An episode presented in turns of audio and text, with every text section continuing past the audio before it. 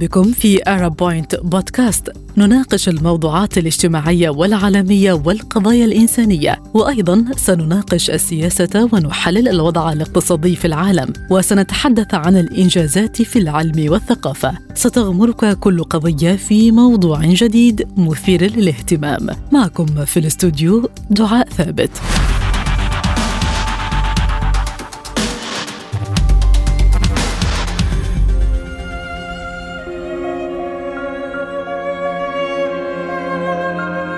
مستمعينا الكرام كلنا طبعا عارفين رواية دعاء الكروان لعميد الأدب العربي طه حسين اللي تحولت لفيلم بيحمل نفس الاسم بتدور حول شخصية أمنة اللي جسدتها الفنانة الكبيرة فاتن حمامة واللي قتلت أختها هنادي على يد خالها بعد ما اكتشف حملها سفاحا. كمان في الفيلم الأردني جميلة بيدور حوالين شابة الشابة اسمها طبعا جميلة اللي بتمرض وبتفقد الوعي فتزعم إحدى السيدات إن هي حامل ليحكم على جميلة بالموت ثأرا لشرف العائلة فتقتل جميلة ويسجن أبيها. سلامتك يا أمنة. وين هنادي هنادي هنادي كانت هنا وكلمتني. وين هنادي ارتاح ارتاح. ابعد عني ابعد عني. علي. تبكوا علينا ما بكيتوا لي زمان.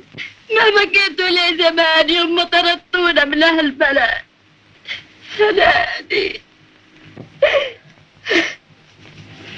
نروح لحالنا يمكن تهدى. وين هنادي يما وين هنادي يما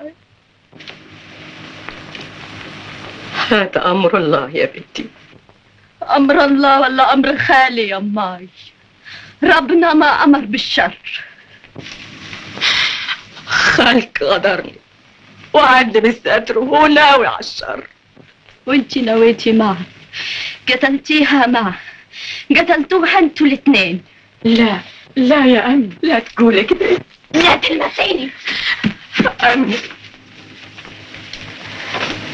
هنادي بنتي. ماني قادرة أنام على جنب. وجنبها هنادي في التراب. ربنا العالم بالعذاب اللي في قلبي.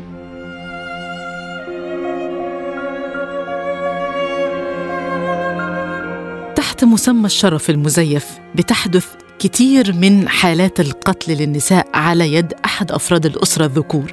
وهنا بيقوم الجاني بالقتل لأسباب في الغالب بتكون ظنية يعني بتتعلق بشكوك حول ارتكاب المرأة فعل مخل بالأخلاق زي الزنا أو إقامة علاقة غير شرعية. وبيزعم مرتكبو الجرائم دي إن جريمتهم حصلت من أجل الحفاظ على شرف العائلة أو ما يوصف بعملية غسل العار. الحقيقة وسائل الإعلام بتنقل خبر مقتل الآلاف من النساء سنوياً على يد أحد أفراد العائلة فيما يعتقد أنه دفاع عن الشرف حسب الادعاء طبعاً. ومن الجرائم اللي حصلت مؤخرا في العراق مقتل البلوجر العراقية طيبة العلي على يد والدها. وده أمر أثار حالة من الغضب والاستنكار من رواد وسائل التواصل الاجتماعي ونشطاء حقوق الإنسان في العالم العربي لأن الجريمة تمت بزعم غسل العار. مقتل طيبة العلي هي باختصار كانت بتسكن في إسطنبول وبتنوي زواج من حبيبها لكن أهلها كانوا بيرفضوا هذا الزواج وقتلها والدها بذريعة جرائم الشرف. قبل ما يسلم نفسه طبعا للشرطة. الأمم المتحدة دخلت على الخط من خلال بيان صدر عن بعثتها بالعراق وقالت إن موت طيبة اللي كان يمكن تجنبه هو تذكير مؤسف بالعنف والظلم اللي مازال موجود ضد النساء والفتيات في العراق.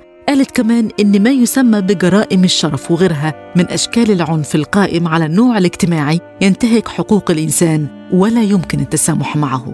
في الموضوع ده تحدثنا مع رئيسة شبكة النساء العراقيات هناء أدوارد واللي اتكلمت عن ما يسمى بجرائم الشرف والخطوات اللي اتخذها المجتمع المدني تجاه مقتل طيبة العلي. والتشريعات العراقية بهذا الخصوص. مقتل الشاب طيبة علي قبل فترة قريبة قبل عدة أسابيع. هذا حقيقة أصبنا أيضا بصدمة جديدة يعني إضافة إلى الصدمات السابقة اللي كانت واضحة أنها جريمة جنائية خطط لها عن عمد وعن ترصد من قبل أهلها. وهذه أيضا تشير في نفس الوقت أن الجريمة ارتكبت بما يسمى تحت باب ما يسمى غسل العار أو ما يسمى بجرائم الشرف وهي لا شرف حقيقة بهذا بهذا الشكل. الشرف الشرف حينما لا مسألة ليست ترتكز على جسد المرأة بقدر ما ترتكز على قيم وأخلاق وتعاملات ضمن هذا المسار. المهم أننا تحركنا كمنظمات مجتمع مدني محلية عراقية مباشرة في وقفة استنكار أمام مجلس القضاء الأعلى وكذلك تحركت عدة جهات أخرى منظمات في محافظات أخرى مثل النجف أيضا في وقفة في داخل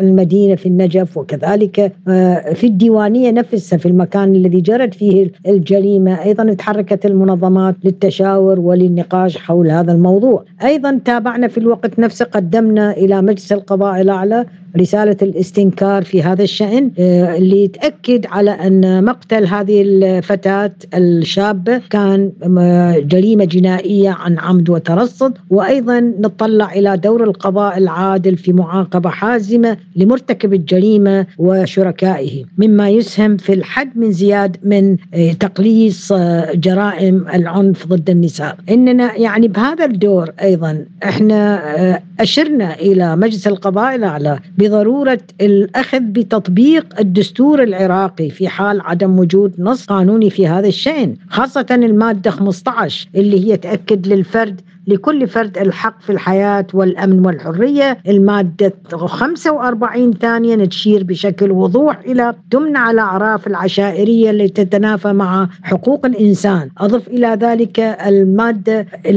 المادة أيضا 29 أربعة تشير تمنع كل أشكال العنف والتعسف في الأسرة والمدرسة والمجتمع. فهذه النصوص القانونية واضحة وضوح الشمس أنها تعلو على أي نصوص أخرى أخرى قانونية أضف إلى ذلك أن هناك آه، مسألة مهمة في الدستور يقول العراقيون في المادة 14 العراقيون آه، متساوون أمام القانون بغض النظر عن الجنس والعرق والقومية والعقيدة وإلى آخره. بالتالي البنت بالغة راشدة اتخذت قرارها في اختيار شريك حياتها. أيضا أنها لم لم آه، تقم بفعل شائن إذا كانوا يريدون أن يطرحوا عليه أن يقولوا أنه فعل شائن يعني هذه المسألة آه، قلنا أمام مجلس القضاء أنها وفي مقابلتنا معهم أن الموضوع آه، إذا كنتم يعني أشاروا إلى قضية العادات والأعراف قلنا لهم لكن الدستور يمنع الأعراف العادات العشائرية التي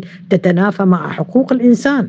وبالتالي من المهم النظر إلى هذه المادة الدستورية والتقيد بها لكن أن تعلو القيم والعادات العشائرية والاجتماعية على منطوق الدستور. فهذا أعتقد هنا خلل كبير في نظام العدالة. أيضا إحنا بال بال بنفس الوقت أكدنا على أن آه، موضوع ضرورة تعديل قانون العقوبات العراقي اللي هو صادر سنة 1969 مضى عليه وقت طويل ويحتاج يحتاج إلى تعديل في كثير من بنوده اللي هي أيضا تشير إلى عسف واضطهاد وتمييز وعنف ضد المرأة. هذه أشرنا إلها في عدد من تقاريرنا اللي رفعناها إلى لجنة اتفاقية إلغاء كافة أشكال التمييز ضد المرأة وصدرت عن اللجنة توصيات عديدة من سنة 2014 ثم في 2019 توصيات إلى الحكومة العراقية بضرورة تعديل القانون وإلغاء كافة أشكال التمييز والاضطهاد في نصوص هذا القانون. وبالضبط مجلس القضاء الأعلى بادر إلى وضع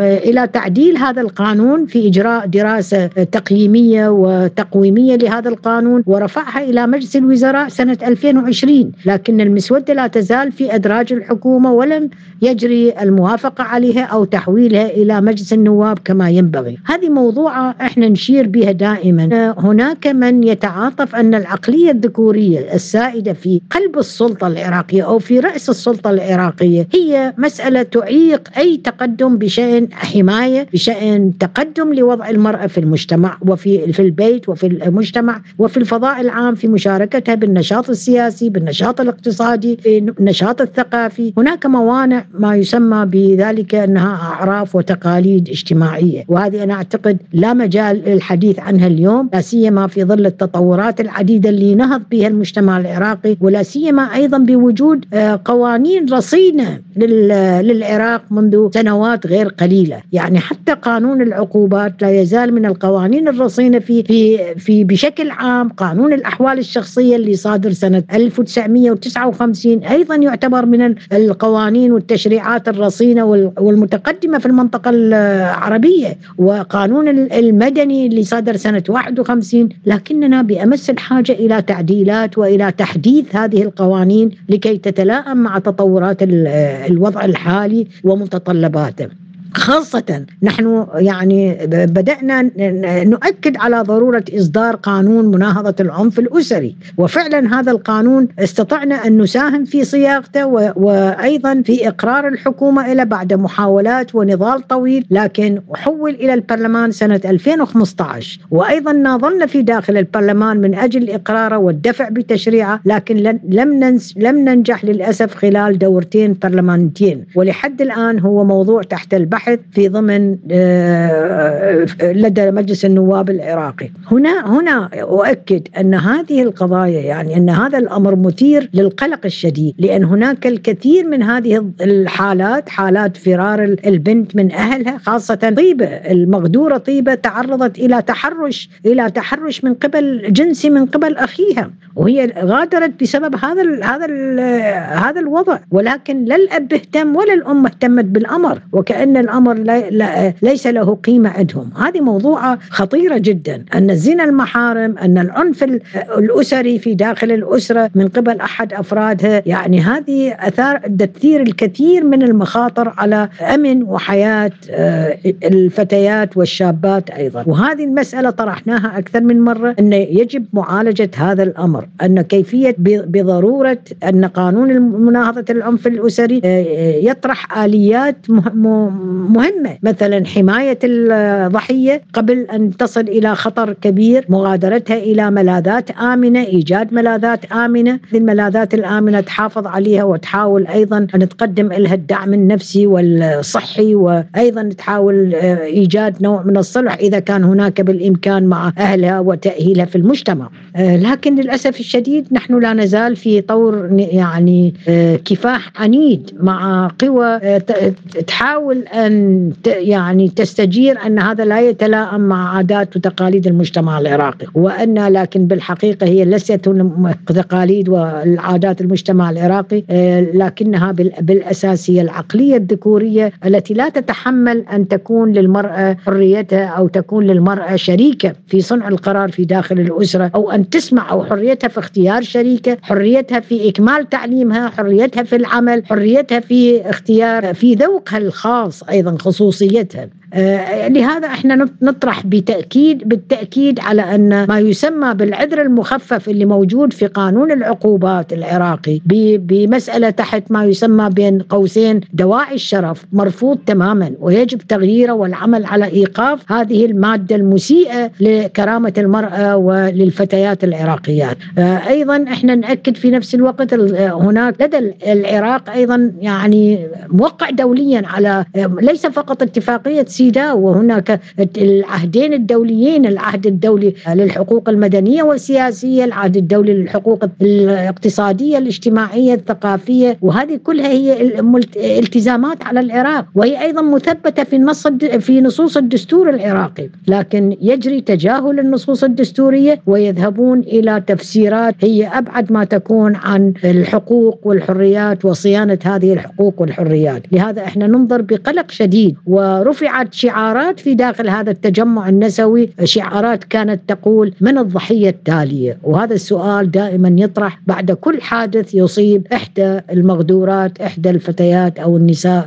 اللي تتعرض إلى القتل وإلى وإلى التهديد. هذا هذا الوضع العراقي اليوم ولهذا نحن نقول المرأة العراقية اليوم تفتقد إلى الأمان تفتقد إلى الشعور بأنها لديها خصوصيتها في الحياة واختيار واختياراتها في رسم تحترم حياتها ومستقبلها. للأسف الشديد لا نزال ولكننا نقول أن الشابات هناك اليوم تتحدى يتحدين كل هذه الأشكال ويحاولن أن يثبتن وجودنا وجودهن في الحياة وفي أيضا فرض رأيهم في داخل الأسرة. لكن هذا راح يكون بتضحيات جسيمة كما حدث لطيبة ولأخريات ولقافلة من هؤلاء الشابات. للأسف الشديد رحنا ضحية أنا أسميه الإرهاب العائلي.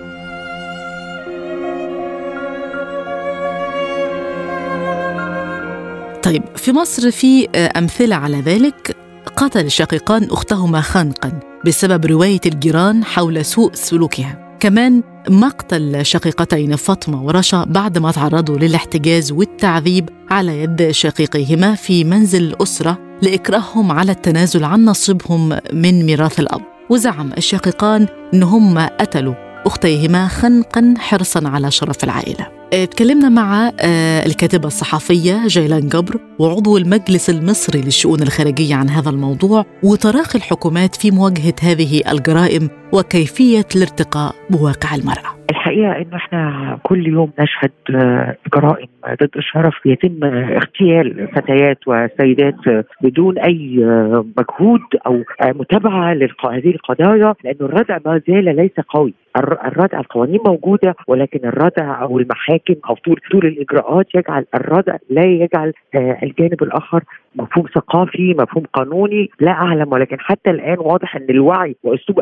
معالجة جرائم الشرف هو بالقتل وبالاغتيال وهذا خطر كبير على المجتمع وعلى ثقافة المجتمع العربي. ولكن آه، دعيني أقول لك إن هي ثقافة مترسخة يمكن آه، لم يتم علاجها منذ فترات طويلة تركت بعدم عملية ردع حاسم يجعل من يحاول أن ينتقم لشرفه كما يقولون آه يفكر. آه يرتدع يحاول أن يعالج بأسلوب آخر ولكن الحقيقة إنه القانون ليس كافي. خليني أقولها بوضوح حتى الآن. لم لم يخيف أحد. يمكن هي ثغرات قانونية بيعتمدوا عليها اللي هي جرائم الشرف وانه رد الاعتبار وإن ثقافة الثأر الموجوده في عدد من الدول العربية آه وما زالت حتى الآن موجودة. آه إذا كان في آه حتى يعني في صعيد مصر أو في دول عربية كثيرة لكن هي معالجه ثقافية وتعليمية. يعني خلينا نقول نكون واضحين إنه كمان في الجانب التعليمي في الجانب الديني يعني في هناك ثغرات تجعل المفهوم من الردع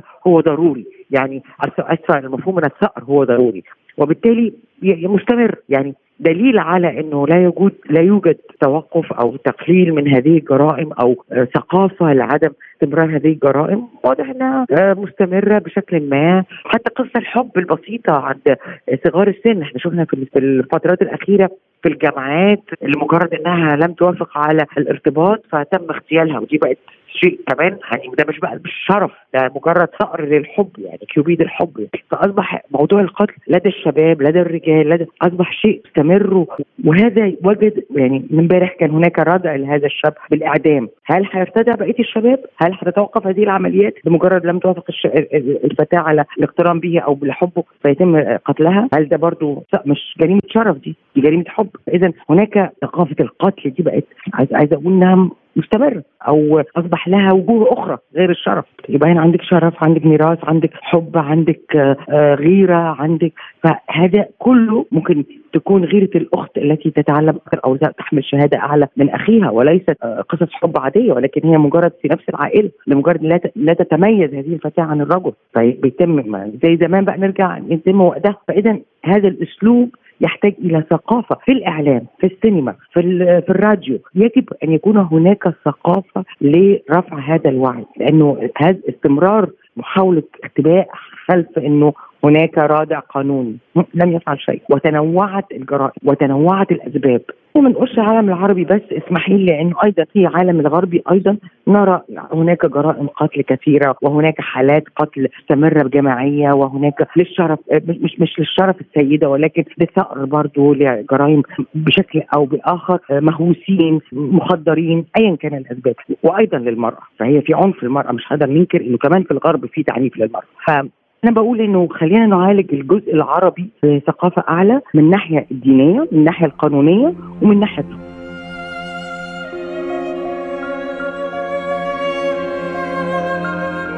جرائم زي دي وغيرها كتير منتشرة في عالمنا العربي وفي بعض الأحيان الحكاية مش بتكون صادمة للمجتمع من كتر تكرارها لأن ذريعة الشرف بتستخدم على نطاق واسع للإفلات من العقوبات المشددة في حالات القتل والتعذيب للنساء من قبل الأسرة والزوج. الحقيقة لحد دلوقتي مفيش إحصائيات دقيقة لعدد جرائم الشرف في العالم العربي بسبب عدم الإبلاغ عن معظمها. روحي لبيتكم يا عينيا وما تجيش غير لما ابعت حاضر يا سيدي.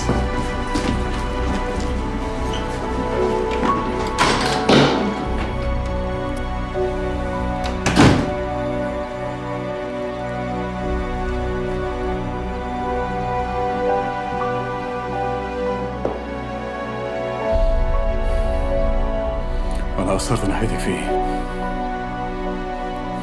ده رد جميل تربيتي ليكي. أنا اسفه يا ماما تعالي تعالي تعالي تعالي. بس بدي تقوليها لما تجيبي كحكة في الامتحان. انت كسرت ظهري. وفضحتيني فضحت العمر كله. انت فعلا عملت كده؟ أنا مش قادر أتخيل إن أنت تعملي فيا كده. مش قادر أتخيل!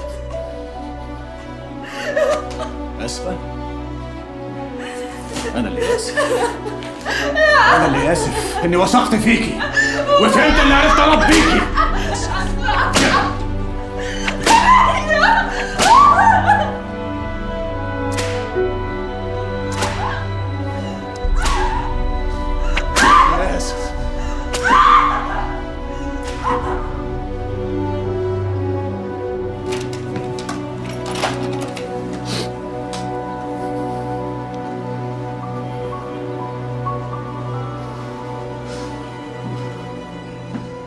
رغم التعديلات القانونية اللي أصبحت بتفرض عقوبة على الجاني في العديد من الدول العربية لكن هذا النوع من الجرائم ما يزال يستخدم لتصفية الحسابات داخل العائلة. فتراخي القوانين في العالم العربي يسمح بتزايد هذا النوع من الجرائم لأن الأحكام المخففة بتوحي أنه بإمكان أي رجل أنه يقتل بنته أو أخته أو زوجته دون عقوبة. وبتحدث طبعا هذه الجرائم في بلدان كثيرة غير طبعا بخلاف الوطن العربي بنذكر منها باكستان والأردن وتركيا.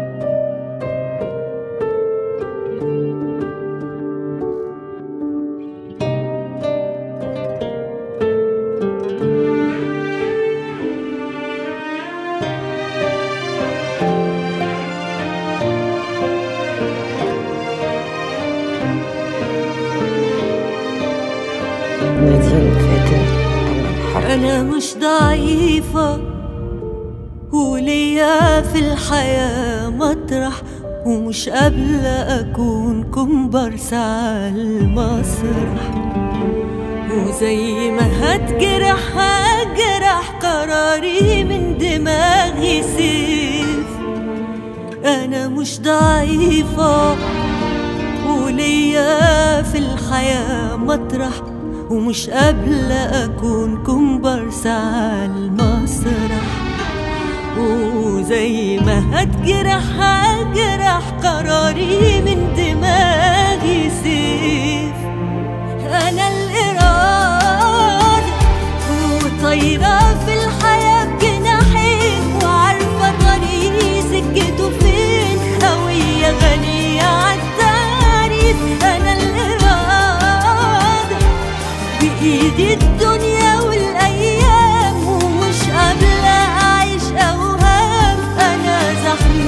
بشر ورصيف ومهما الدنيا تكسرني وشمسي تغيب أكيد بكرة أنا هفرح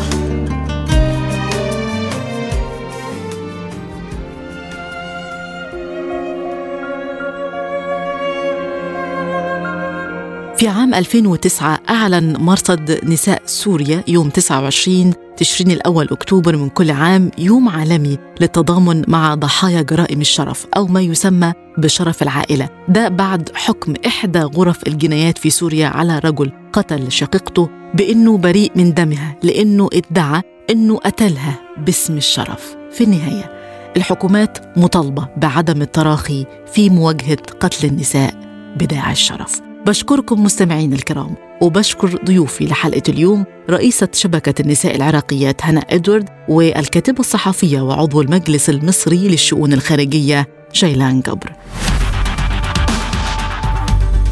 كنا معكم في Arab Point Podcast اشترك واضغط لايك واكتب تعليق.